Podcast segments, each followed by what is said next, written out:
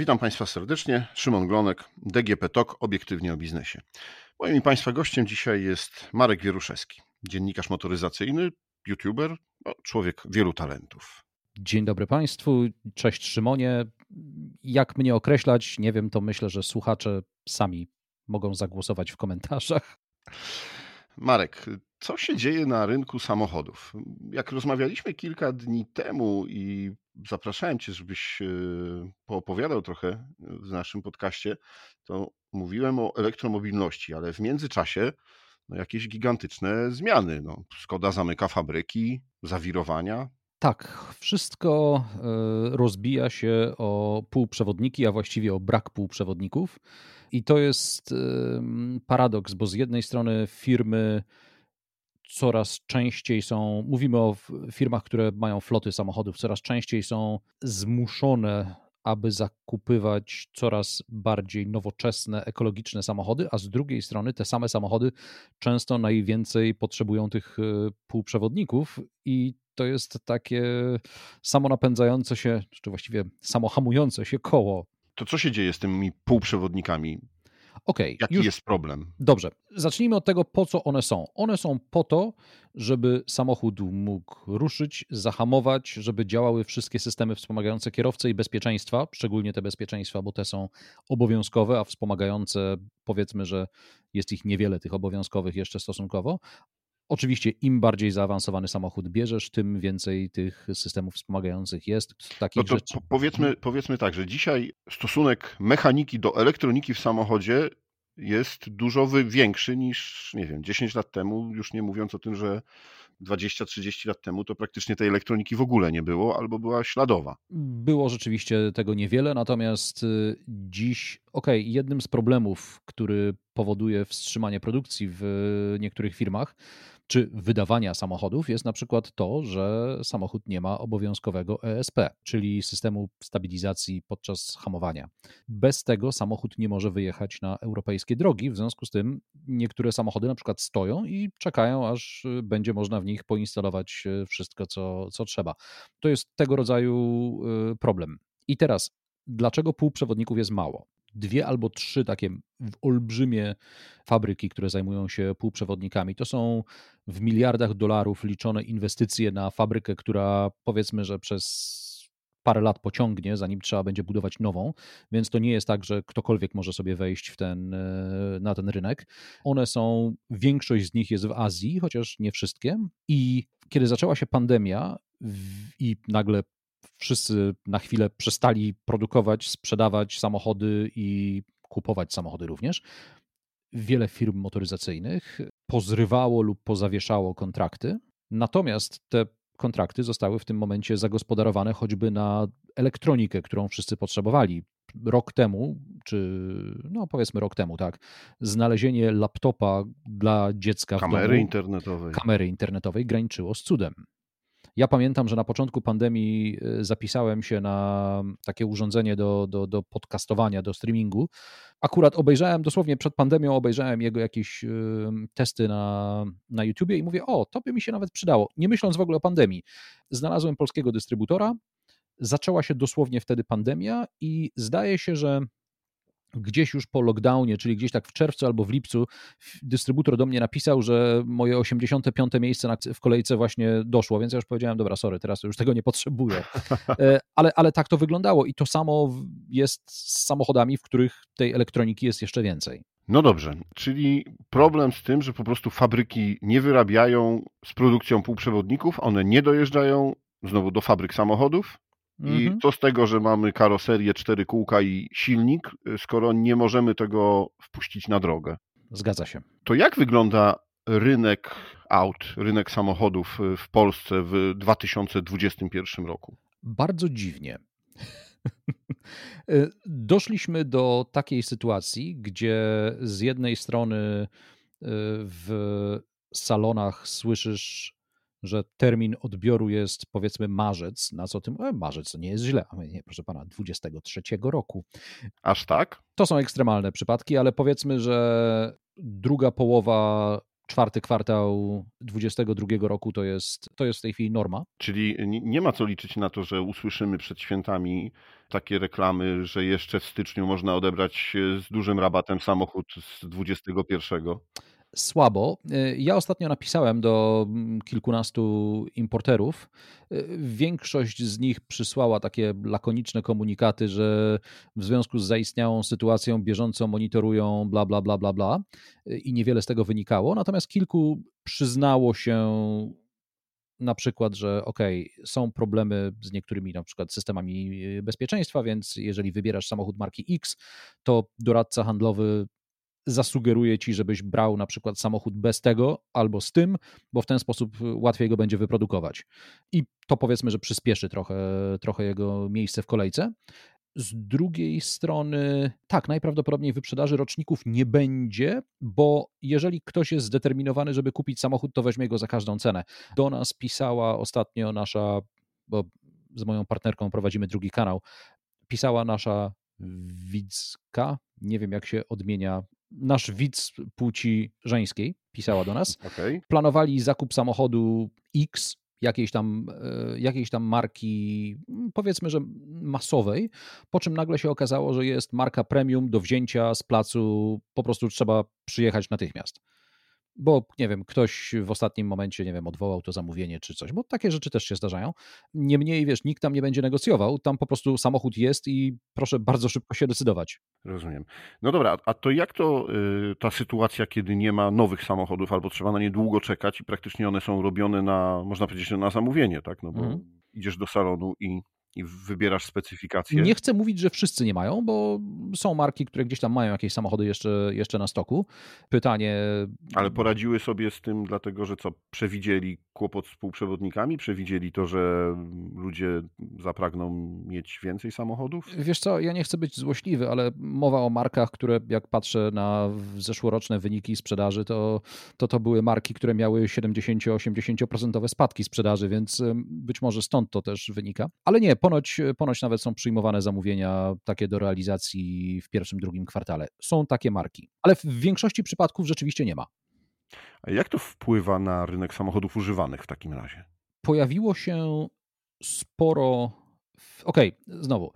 Na rynku aut używanych w tej chwili jest o tyle ciężko, że jeżeli jest dobry samochód używany, to po chwili, to po chwili znika. Pojawiło się czy rozwija się w tej chwili sporo takich firm, które zajmują się sprawdzonymi samochodami używanymi i to jest nie sprowadzanymi, ale sprawdzonymi. Czyli to nie jest jakiś tam e, bity i składany z trzech, tylko rzeczywiście są to samochody, to już to, to normalnie przypomina salon, gdzie wchodzisz jak do salonu z nowymi samochodami, masz e, samochody, możesz z nich e, wybierać, dostajesz na nie gwarancję, masz pełny przegląd historii serwisowej, raport niezależnych rzeczoznawców. Takie rzeczy też się zdarzają. Natomiast myślę, że ludzie, którzy mogą, wstrzymują się po prostu z zakupem. Zarówno, zarówno, znaczy tak, sprzedać w tej chwili jest bardzo dobrze, bo jeżeli masz dobry samochód, to z przyjemnością go każdy weźmie. Myślę, że z zakupem wielu ludzi się mm, e, wstrzymuje. Pytanie, znaczy mówimy o Kowalskich, bo to co, to, co robią floty, to jest jeszcze inna rzecz, bo na przykład flota musi wymienić samochody, bo takim wypada z terminu. I tak większość pewnie przeciągnęła ten ostatni rok, a tymczasem firmy muszą spełniać normy emisji również, mhm. co oznacza, że muszą wymienić te samochody, które są bardziej trujące, nazwijmy to, na coś bardziej, bardziej ekologicznego. O tym też za chwilkę będziemy mówić, jak sobie przejdziemy do, do tego, co się, co się na rynku w tej chwili sprzedaje. Okej, okay. W związku z tym jest trochę samochodów używanych na rynku i jeżeli jesteś zainteresowany samochodem takim poflotowym, to to jest, uważam, dobry kierunek. Zanim jeszcze przejdziemy do floty, to ja tylko zapytam, no bo ja mam takie wrażenie, że ludzie trochę przerazili się pandemią, więc y, przestali chętnie korzystać z, no po niektórych to mam wrażenie, że tylko trochę niestety, ale przestali korzystać z takich środków y, masowych do, do komunikacji typu autobusy, no i ruszyli na zakupy samochodów. Czy to jest zauważalny trend? Na pewno w zeszłym roku, jak się kończył lockdown pierwszy, dużo mówiono o tym, że to jest dobry pomysł, kup samochód, bo wreszcie możesz y, nie tłoczyć się w autobusie. To, co widzę ranem, ja, ja rano wyjeżdżam na zdjęcia bardzo wcześnie i często widzę te przystanki autobusowe i, i, i nie, ludzie nie kupili samochodów. Jeżeli mogę przy, okay, spojrzeć na dane za sprzedaż w zeszłym roku, to liderami praktycznie byli ci, którzy mieli najmniejsze spadki. Owszem, zdarzyło się, było parę egzotycznych y, takich przypadków, że na przykład, nie wiem, Audi sprzedało więcej samochodów y, w zeszłym roku niż rok wcześniej. Aha. Lexus, Tesla. O, to już taka naprawdę luksusowa. Tak, tak, tak. Y, co tam jeszcze mamy? No, Bentley sprzedał więcej. Ile Bentley sprzedaje się w Polsce? Już ci mówię. W zeszłym roku Bentley sprzedał, to są dane Samaru, nawiasem mówiąc, 58 sztuk. Chyba całkiem nieźle. Natomiast ciekawostką było tak, e, liderem w zeszłym roku była Toyota, która straciła raptem nieco ponad 2%. Na drugim miejscu była Skoda, która straciła prawie 18%. Na trzecim miejscu Volkswagen, który stracił ponad 30%. To skąd to są już duże spadki? 18-30%? To są olbrzymie spadki. To jest po Z prostu. one wynikają? One wynikają z floty, czy właściwie wstrzymania zakupów flotowych. One wynikają z tego, że fabryki po prostu się zatrzymały i również były problemy z półprzewodnikami. Toyota się chwaliła do niedawna, że oni nic nie ruszyli z półprzewodnikami i oni sobie produkowali dalej i u nich była cały czas dostępność. Tak było do powiedzmy zeszłego miesiąca, bo zdaje się, że w tej chwili nawet Toyota jakieś przestoje powoli e, wprowadza tu i tam. A żeby było weselej. W pierwszej dziesiątce w zeszłym roku był Mercedes, BMW, no i Audi było już jedenaste, ale masz trzy marki premium, które sprzedawały po kilkanaście tysięcy samochodów. Mercedes był zaraz za Dacią, a przed Fordem. No, przed Fordem. Tak. No to jestem zaskoczony, bo yy, wydawało mi się, że w, jeśli chodzi o szczególnie o flotę, no to to jest Skoda, Volkswagen, Ford. A tu się właśnie okazuje, że e, Mercedes. E, który to Mercedes, nawiasem mówiąc, w tej chwili ma e, problemy z dostępnością samochodów i no właśnie, wysprzedał w zeszłym roku wszystko. Czyli przyszły rok to będzie rok floty, wymiany floty? Przyszły rok to będzie rok, kiedy będą jeszcze zatory w produkcji bo na razie mówi się, że w drugiej połowie powinien zostać zażegnany problem z półprzewodnikami. Czyli ruszą w drugiej połowie fabryki pełną parą, no ale to od znaczy, momentu... Może inaczej, być może ruszą. I mają jeszcze cały ten backlog do, do zaspokojenia.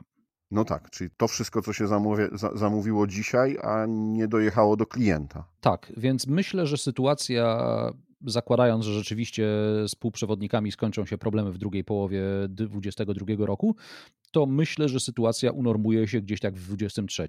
Jeśli mówiliśmy, że flota zatrzymała jakby swoje zakupy, czy przeciągnęła swoje zakupy e, w 20, no bo lockdown, no bo ludzie mniej jeździli, nie używali samochodów służbowych, no to w 21 już e, jest lepiej, tak? W sensie flota z powrotem ruszyła z zakupami.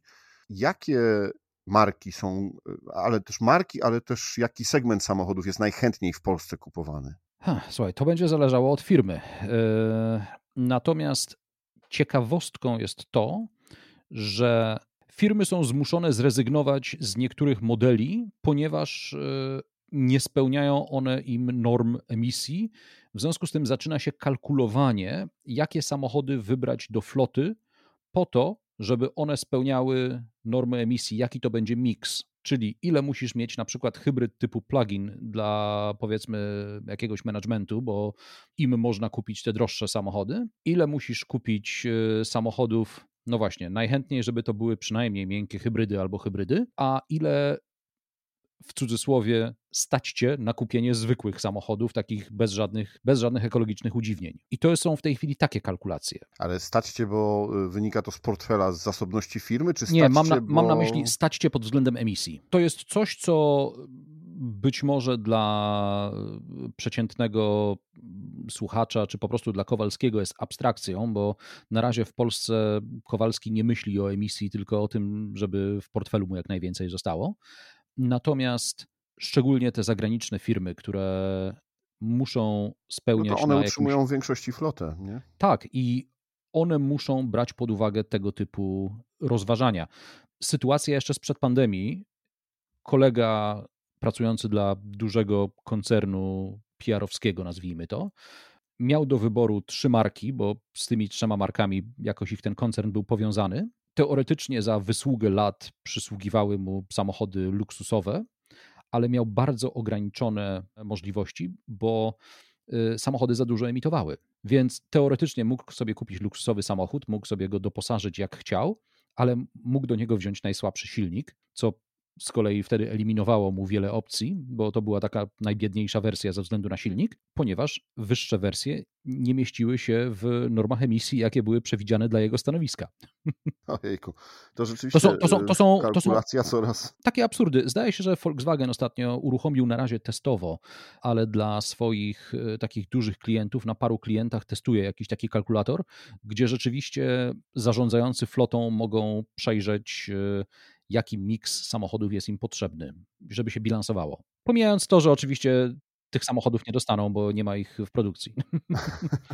No tak, czyli poza tym, że ktoś może sobie wybrać kolor, silnik i rodzaj tapicerki, to jeszcze będzie tam w tym kalkulatorze mógł sprawdzić, jaka jest emisyjność. Tak? To znaczy, emisyjność przede wszystkim. I w zależności od tej emisyjności, bo okej, okay, według e, nowych norm WLTP liczone są w tej chwili nie tak, że samochód po prostu tam emituje, załóżmy, nie wiem, 110 gramów e, CO2 na 100 kilometrów, tylko ten samochód emituje od 105 do 125 w zależności od tego, jakie ma wyposażenie w ramach tego samego silnika.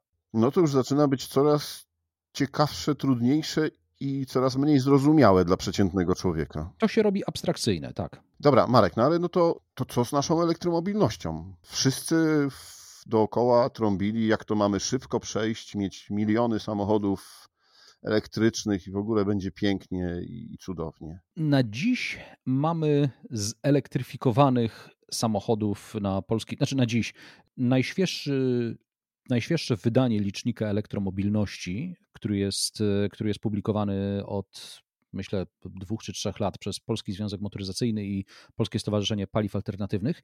Więc na sierpień 21 mamy niecałe 30 tysięcy takich zelektryfikowanych samochodów, z czego praktycznie pół na pół są to albo hybrydy typu plug-in, albo samochody o napędzie elektrycznym, czyli 15 tysięcy PHEV-ów, czyli PHEV plug-in hybrid electric vehicle i 14 tysięcy BEV-ów, czyli battery electric vehicle, samochód elektryczny. To ten plan, gdzie mamy mieć milion samochodów, to jakiś taki wydaje się abstrakcyjnie nieosiągalny. Okej, okay, zależy kiedy ma być ten milion i zależy co to, skąd mają pochodzić te samochody, bo liczyliśmy sobie z moją partnerką do jakiegoś materiału, kiedy ten milion byśmy w Polsce osiągnęli i zakładając obecny wzrost bo mówmy się, mamy efekt niskiej bazy, więc te wzrosty są bardzo takie imponujące, jak się patrzy na, na grafy. Procenty Z... robią wrażenie. Tak, więc zakładając, że utrzymalibyśmy obecny wzrost y, i nie zastanawiamy się nad tym teraz, czy ten samochód y, będzie produkowany w Polsce, czy gdziekolwiek, to milion samochodów elektrycznych bylibyśmy w stanie y, dobić do tego w okolicach 30 roku przy zachowaniu obecnych wzrostów biorąc poprawkę na to, że rzeczywiście są deklaracje w całej Europie, że mm, za chwilę przechodzimy wszyscy na elektryki, koniec silników spalinowych i y, bez kozery powiem, że to będzie od 30 roku, hehe, mhm. to okej, okay, tych elektryków rzeczywiście może być sporo i rzeczywiście może dojść do tego, że coraz więcej nowych samochodów będzie elektrycznych. 30 rok, ale mam wrażenie, że tak jak w przypadku wielu politycznych deklaracji, tak i tu w którymś momencie dojdzie do opamiętania albo do, nie wiem, zmiany warty, jak to się ładnie mówi, i ta nowa zmiana przyjdzie i powie: Wiecie co, te, te cele były bardzo ambitne, ale no, trzeba wziąć pod uwagę zaistniałą sytuację, bla, bla, bla. 2045 a może jeszcze. No dobra, ale to jeśli idę do salonu samochodowego nowego, nieważne jakiej marki, która produkuje elektryki, e, wyciągam portfel, znacznie grubszy muszę mieć ten portfel? Coraz mniejsza jest ta różnica, a to dlatego, że samochody zwykłe bardzo drożeją, a drożeją bardzo dlatego, że są kara, znaczy karane. karane są koncerny, czytaj my, klienci, y, za emisję. Mazda nam coś takiego pokazywała w przypadku swojego modelu takiego małego, czyli Mazda 2, to jest odpowiednik Yarisa powiedzmy, że ten samochód albo można było w niego wrzucić tyle i tyle w badań i rozwój, co zwiększyłoby cenę tego samochodu o X, albo można było zostawić samochód w stanie niezmienionym i płacić wyższą karę. Ale to by się mniej więcej bilansowało w przypadku akurat tego jednego modelu.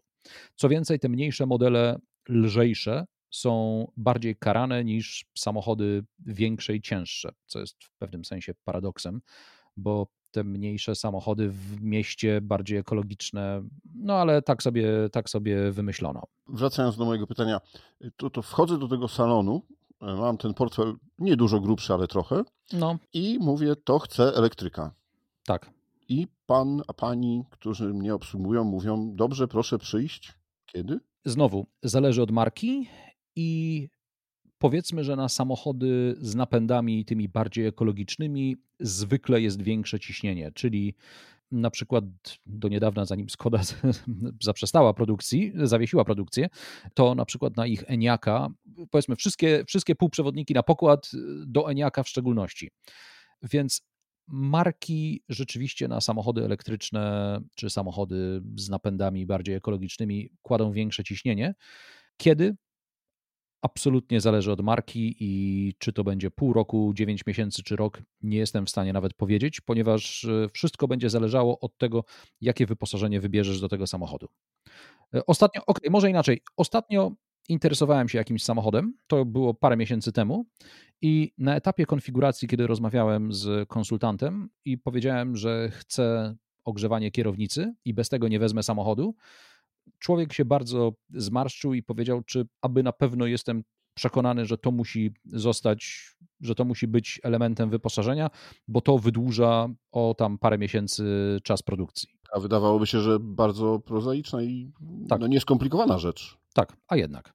I to w różnych markach, różnych modelach e, dotyczy różnych elementów. E, w BMW serii 1, czyli znowu samochód kompaktowy, mały, prosty. No ale jednak klasy premium. Tak, łatwiej będzie ci zamówić model, który ma duży, droższy wyświetlacz, niż model, który ma mniejszy, tańszy wyświetlacz. Na przykład. Wchodzisz i chcesz kupić tego elektryka. Nie wiem. Mhm. ale Dobrze, musisz na niego z tego, co mówisz, mam większe szanse kupić szybciej elektryka niż jakiś e, hybrydę czy, czy spalinowy, no bo marki stawiają na, na te samochody. Tak, stawiają na te samochody. Oczywiście no, też muszą brać pod uwagę, że mamy do czynienia z polskim rynkiem, a nie na przykład ze Skandynawią, gdzie elektryki po prostu są e, bardziej, bardziej popularne. To jest też ciekawa zmiana, bo kiedy myśmy rozważali zakup elektryka tuż przed premierą Volkswagena ID3, wtedy były sygnały z rynku, że jak wchodziłeś do salonu Volkswagena, to trzeba się było naprawdę nastarać, żeby ktoś ci ten samochód sprzedał. W tej chwili zdaje się, że już, y, że już dealerzy wiedzą, że muszą, bo inaczej, y, inaczej wszyscy dostaną po, po tyłkach. To jest nie chcę, ale muszę. No dobrze, jak widać, ten rynek się bardzo, bardzo mocno zmienił w porównaniu do tego, co byliśmy przyzwyczajeni przed pandemią, kiedy to jednak e, dilerzy, sprzedawcy, salony zabiegały o klienta warto, warto chyba obserwować, e, a ci, którzy chcą, myślą o nowym samochodzie, no to warto, żeby się udali jak najszybciej, zamówili i spokojnie czekali w domu. Tak, myślę, że myślę, że najlepiej jest e, przeczekać i znowu zobaczyłbym, kiedy ten samochód będzie dostarczony, bo jeśli ten samochód zostanie zamówiony w tej chwili, to jak zostanie dostarczony jesienią przyszłego roku, to to będzie już od razu starszy rocznik tuż przed zmianą roku i tak dalej, więc może już warto poczekać do wiosny. Do stycznia, tak? Okay. Tak. E, moim i Państwa gościem był e, Marek Wieruszewski. Jeśli Państwo są zainteresowani, to myślę, że polecamy Marek Drives. Kanał na YouTubie Marek Drives, tak jest. Dziękuję bardzo Szymonie za zaproszenie i dziękuję Państwu za uwagę. Dziękuję bardzo, a podcast zrealizowała Dorota Żurkowska. Do usłyszenia.